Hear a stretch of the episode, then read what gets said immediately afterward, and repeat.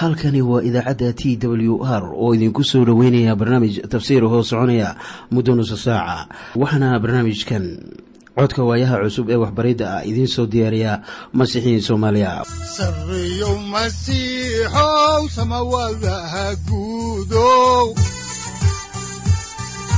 Siraadki adduunkow subanaha eebow sareeyow masiixow samawadaha guudow. Siraadki adduunkow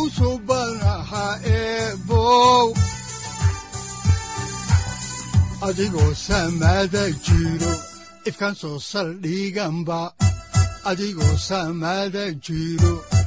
soo saldhiganba kutubtiisanaaye wuxunogu saaciiday sharxin sifahaaga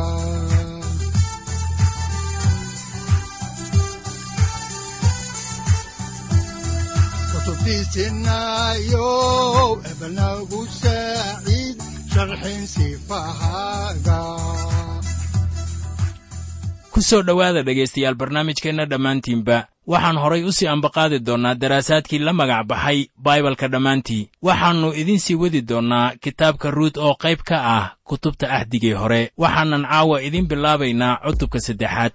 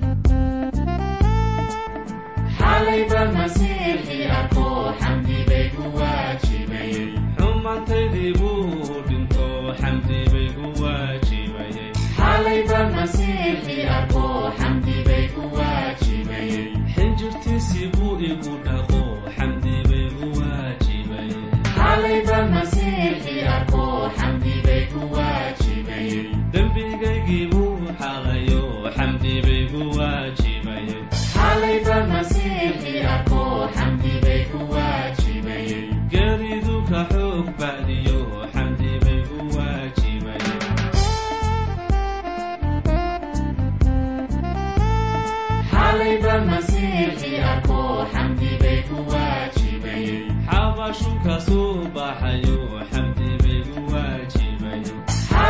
masiixi aqooxa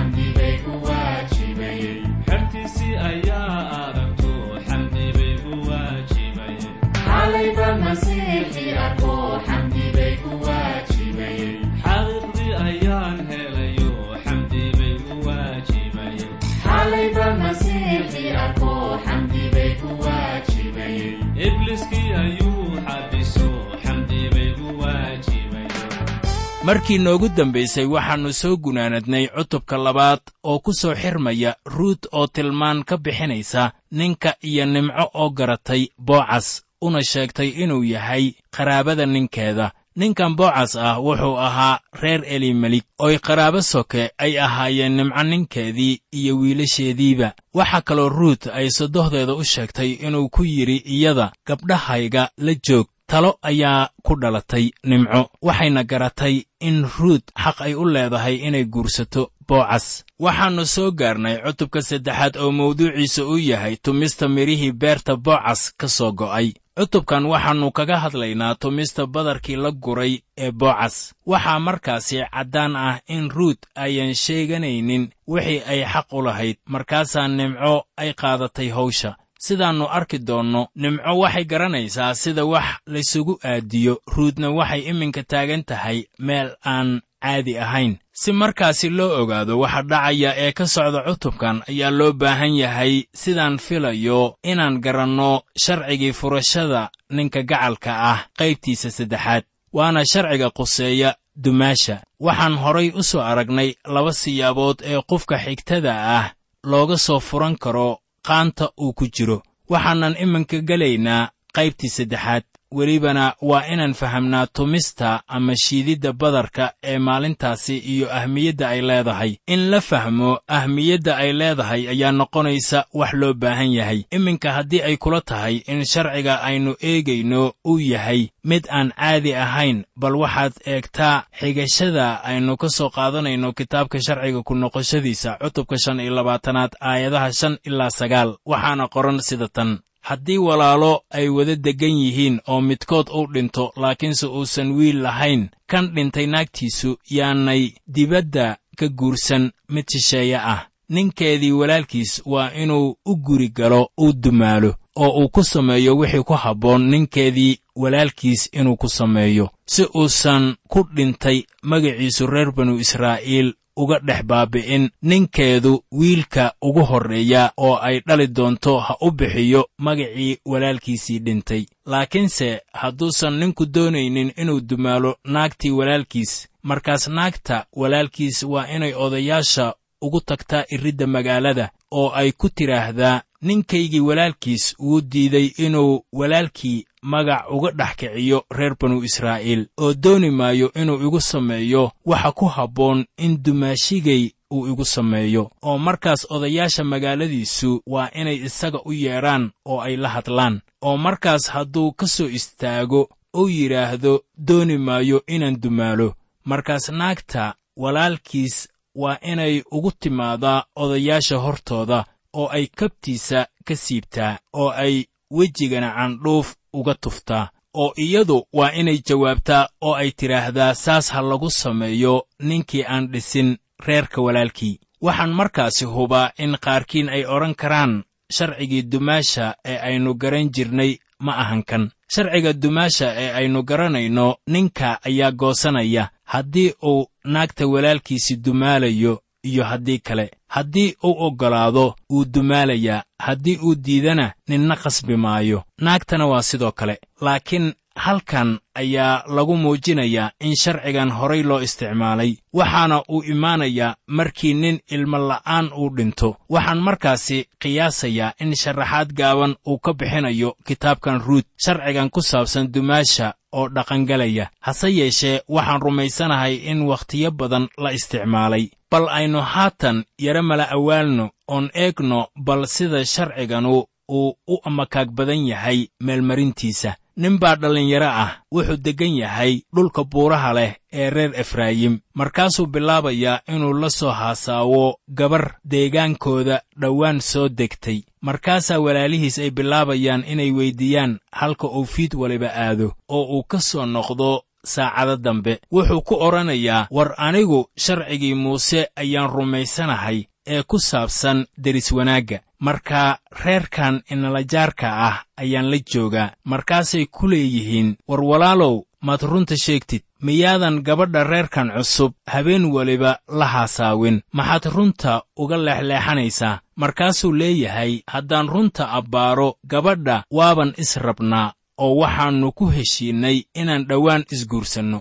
Markaasay ku leeyihiin war haddaba innagu guurkaaga raalli kama nihin oo dooni mayno inaad gabadhan guursato. Markaasuu is-adkaynayaa markaasay ku leeyihiin walaalihii war soo ma ogid in haddii wax ay kugu dhacaan ay innaga qasab inagu tahay inaan gabadha magac kaaga reebno. War hadhow innagu gabadhan dumaali mayno oo haddaba ha guursanin walaalihii baa ku odhanaya waa kugu keligaa innagu haddaba raalli kama nihin inaad gabadhaasi guursato. Haddaba ka soo qaad in ninkii uu dhinto iyadoo ayaan walaalihiis raalli ka ahayn. Waxaa laga yaabaa in libaax uu cuno ama geed uu jarayey uu ku soo dhaco ama uu webigu qaado. Si kastaba ha u dhintee ninkii wuu dhintay. Gabadhu si toos ah ayay duqaydii magaalada ugu imaanaysaa oo waxay leedahay aniga waxba igama gelin haddii ay idoonayaan iyo haddii ayan idoonaynin laakiin waa inay walaalkood ubad u reebaan. Haddii ay dhacdo in midkood uu diido waa inay kabtiisa ka qaaddo oo wejiga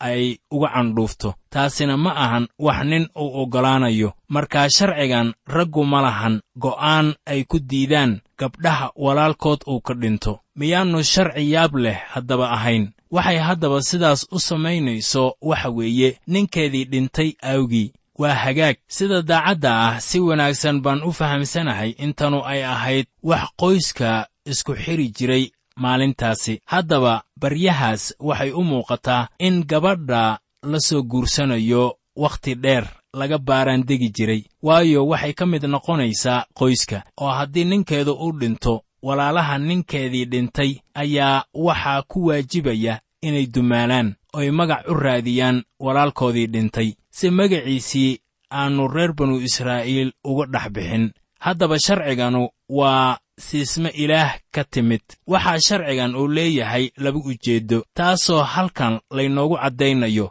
Waxaa kaloo laga yaabaa in ujeeddooyin kalena ay jiraan ujeeddada koowaad waxa weeye in la difaaco xaqa qofka dumarka ahi ay leedahay. Waxaad garan kartaa haddii qof haweenay ah ay weydo ninkeedii oo uu uga dhinto beer iyo xoolo ayaa maaraynta qofkaasi dumarka ahi dhib ay kala kulmaysaa. Marka waxay soo qabsanaysaa mid kasta ee ninkeedii hore la dhashay ama hadduusan walaalo lahayn xigta ahaan u dhowaa waana inuu aqbalaa. Sharcigaas haddaba waxaa lagu difaacayaa xaqa qofka dumarka ahi ay leedahay. Waxaa mar waliba aad maqlaysaa in haweenka qaar ee reer galbeedka ahi ay ku andacoodaan in baibalku uu yahay kitaab ragga un ay leeyihiin. Waa hagaag saaxib markii qof sidaas u yidhaahdo waa dhab in qofkaasu aannu si taxadir leh u akhriyin kitaabka. Mararka qaarkood waxaad la yaabaysaa in ragga ay lahaanayaan xaqan qofka dumarka ahi la siiyey mid la mid ah. Hase yeeshee fursaddan oo kale lama siinin ragga sida muuqata.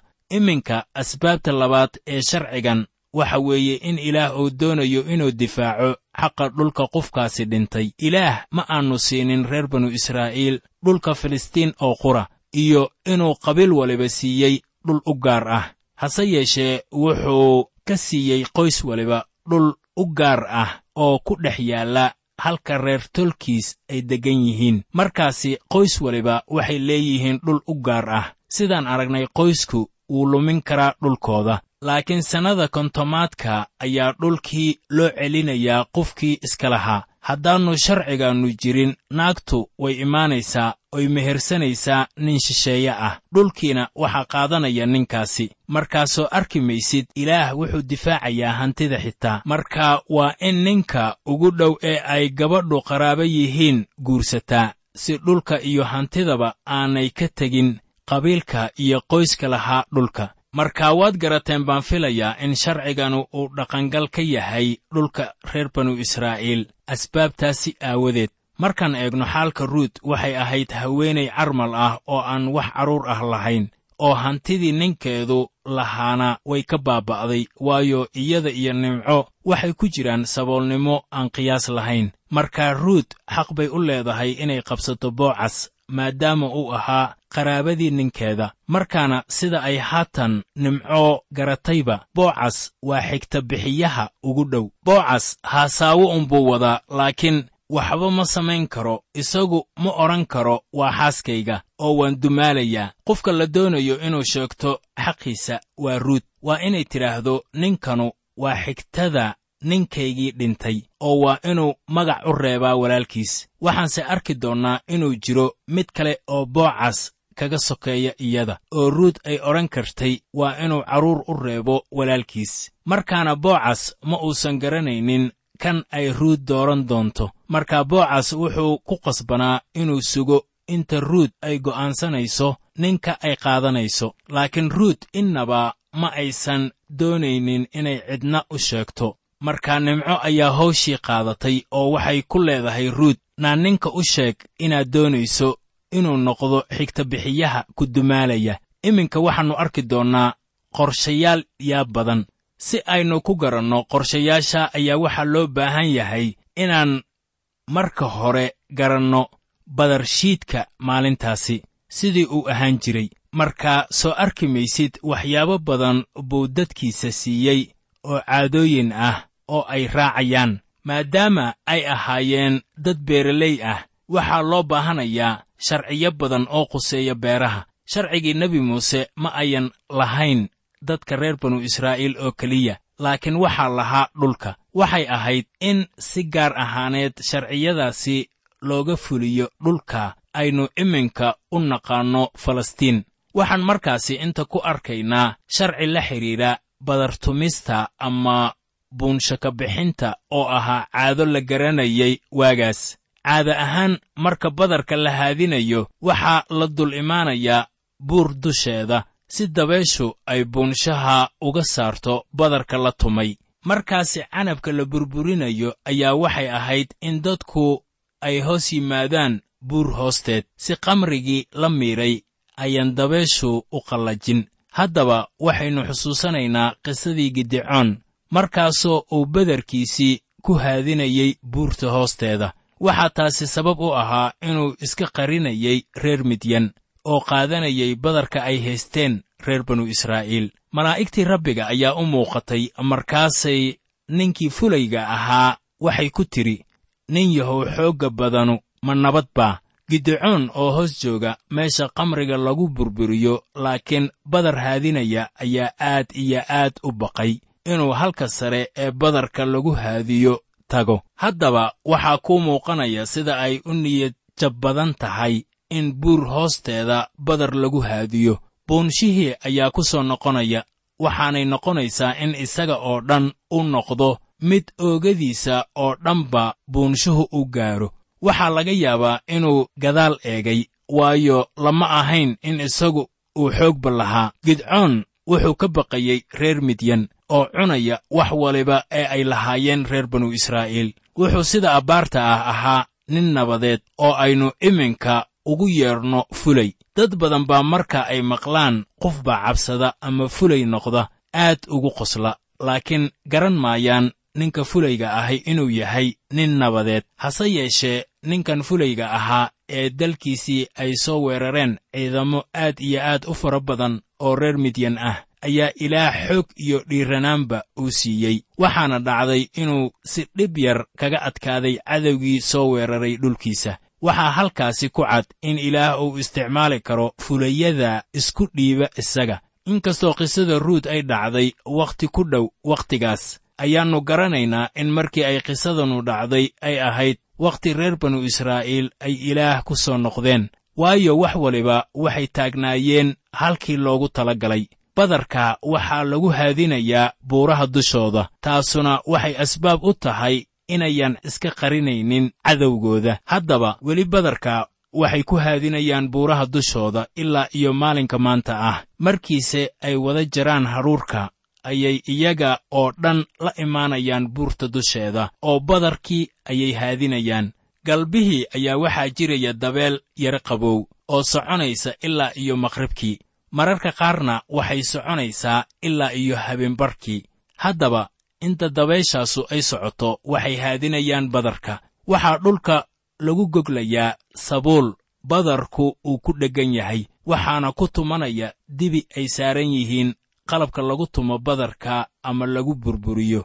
Markaasay galaasyo waaweyn darayaan gallaydii ama badarkii la tumay oo dabaysha ay ku haadinayaan oo intay dabayshaasu socoto waxay joogayaan halka sare ee lagu haadiyo badarka. Markii dabayshu ay dhammaato ha ahaato fiidkii ama saddex saac oo habeennimo ama sasaqda dhexe e waxa ay isagu imaanayaan muxaadaro diimeed. Wakhtigan ayaa reerka oo dhan waxay isagu imaanayaan buurta dusheeda halka badarka lagu haadiyo. Markii ciiddiimeedku uu dhammaado ayaa raggu waxay hareer seexanayaan badarkii la haadiyey nin waliba wuxuu barkanayaa halka hoose ee badarka oo lugahoodana haddii aad kor ka eegto waxay matalayaan sidii garangar waayo tuulmada badarka ah dhexda ayuu goobaabin ahaan u yaallaa. Waxay sidaas ugu seexanayaan waxa weeye inay ka ilaaliyaan tuugada oo badarka dhici kara. Waa wakhti farxadeed oo ilaah loogu mahadcelinayo haddaba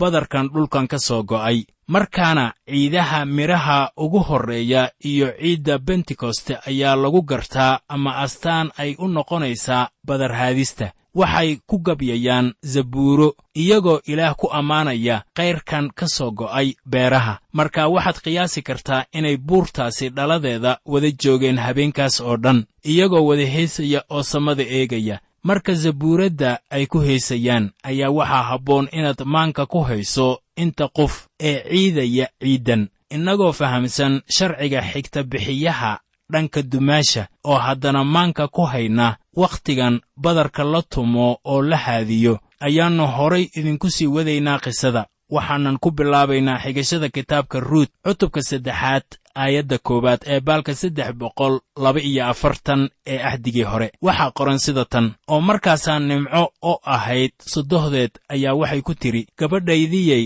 miyaanan nasasho kuu doonaynin inay kuu wanaagsanaato wakhtigan beergurashada oo dhan nimco waxay eegaysay dariishadda oo waxay aragtay ruut iyo boocas oo imaanaya deegaanka beytlaxam waxayna taasu socotay ilaa iyo lix toddobaad iminka haruurkii waa la soo goostay qamadigiina waa la soo ururiyey. Nimco waxay haatan garanaysaa in ruut ay tahay qof asluub badan oo xishoonaya oo aan doonayn inay nin faraqa ku soo dhegto. Waxay kaloo garanaysaa in ruut uu jecel hayo taasuna waa dhab. Markaasaa nimco waxay weyddiinaysaa ruut inay guri ay ku nagaaddo u raadiso. Guriga lagu nagaadayana dabcan waa kii arooska. Waxay ku tidhi miyaanan nasasho kuu doonaynin inay kuu wanaagsanaato haddaba waxaad xusuusataa bilowgiiba inay ku lahayd. Gabdhihii ay sodohda u ahayd iska jooga dhulkiinna reer mo'aab oo guri kale raadsada hase yeeshee waxay iminka ku leedahay waxaan ku raadinayaa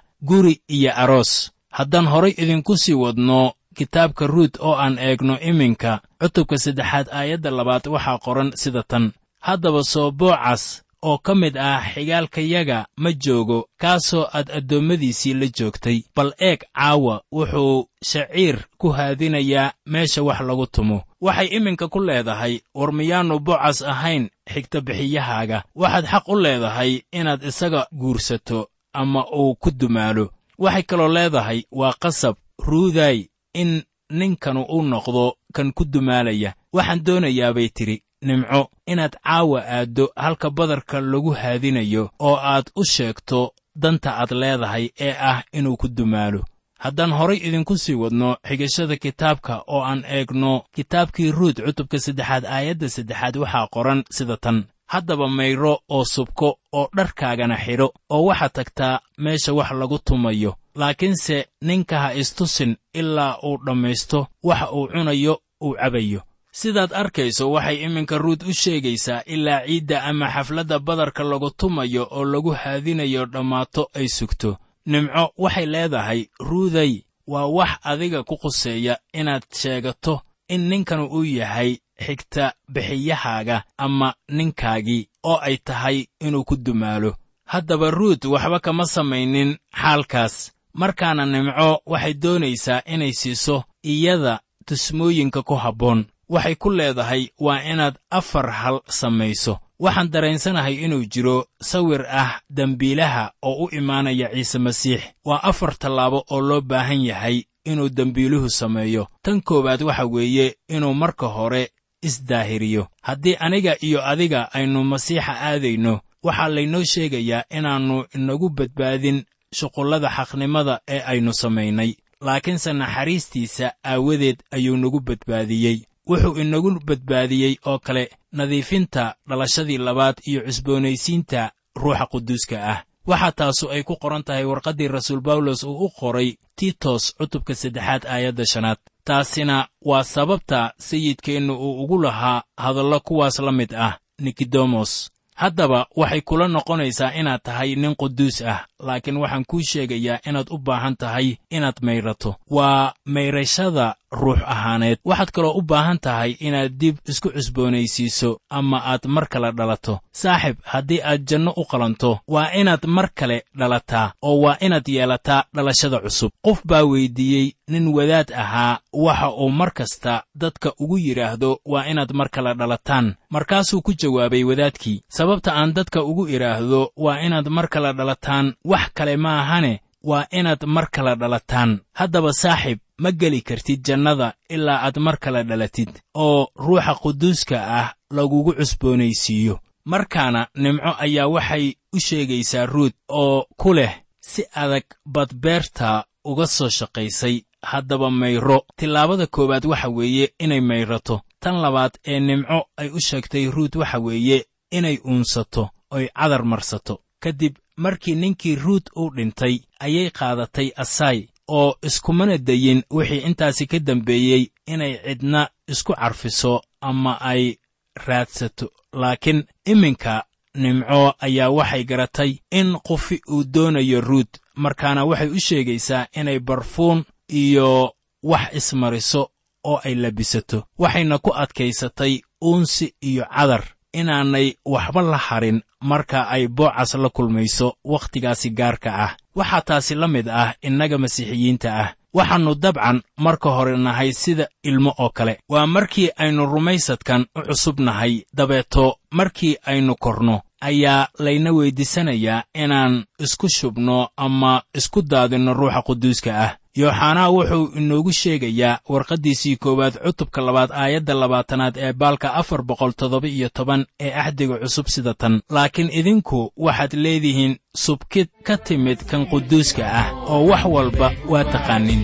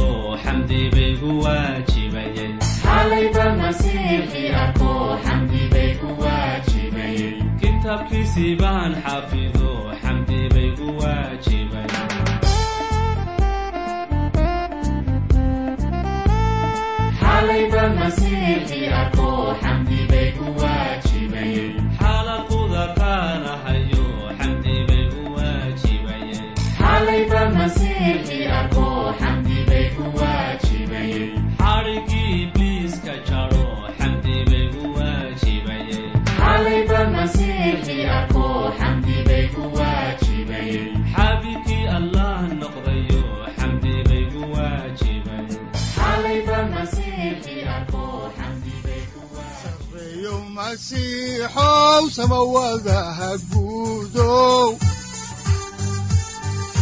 siraadkii adduunkow subanaha eebow adigoo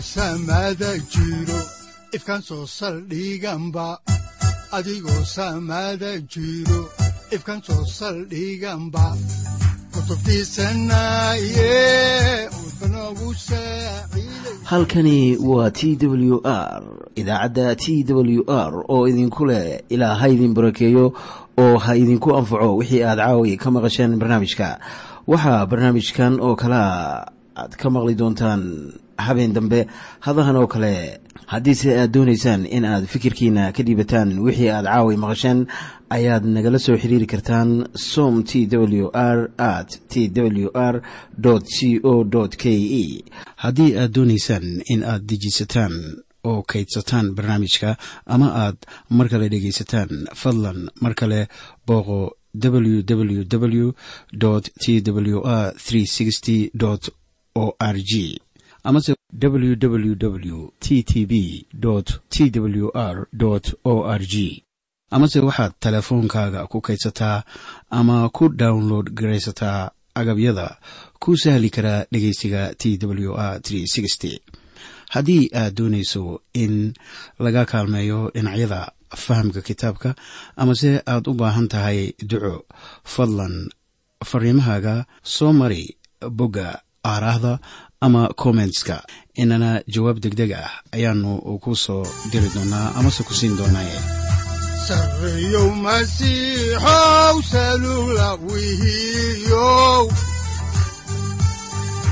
Saacadda timid dhulka sabada ku dhalatiyo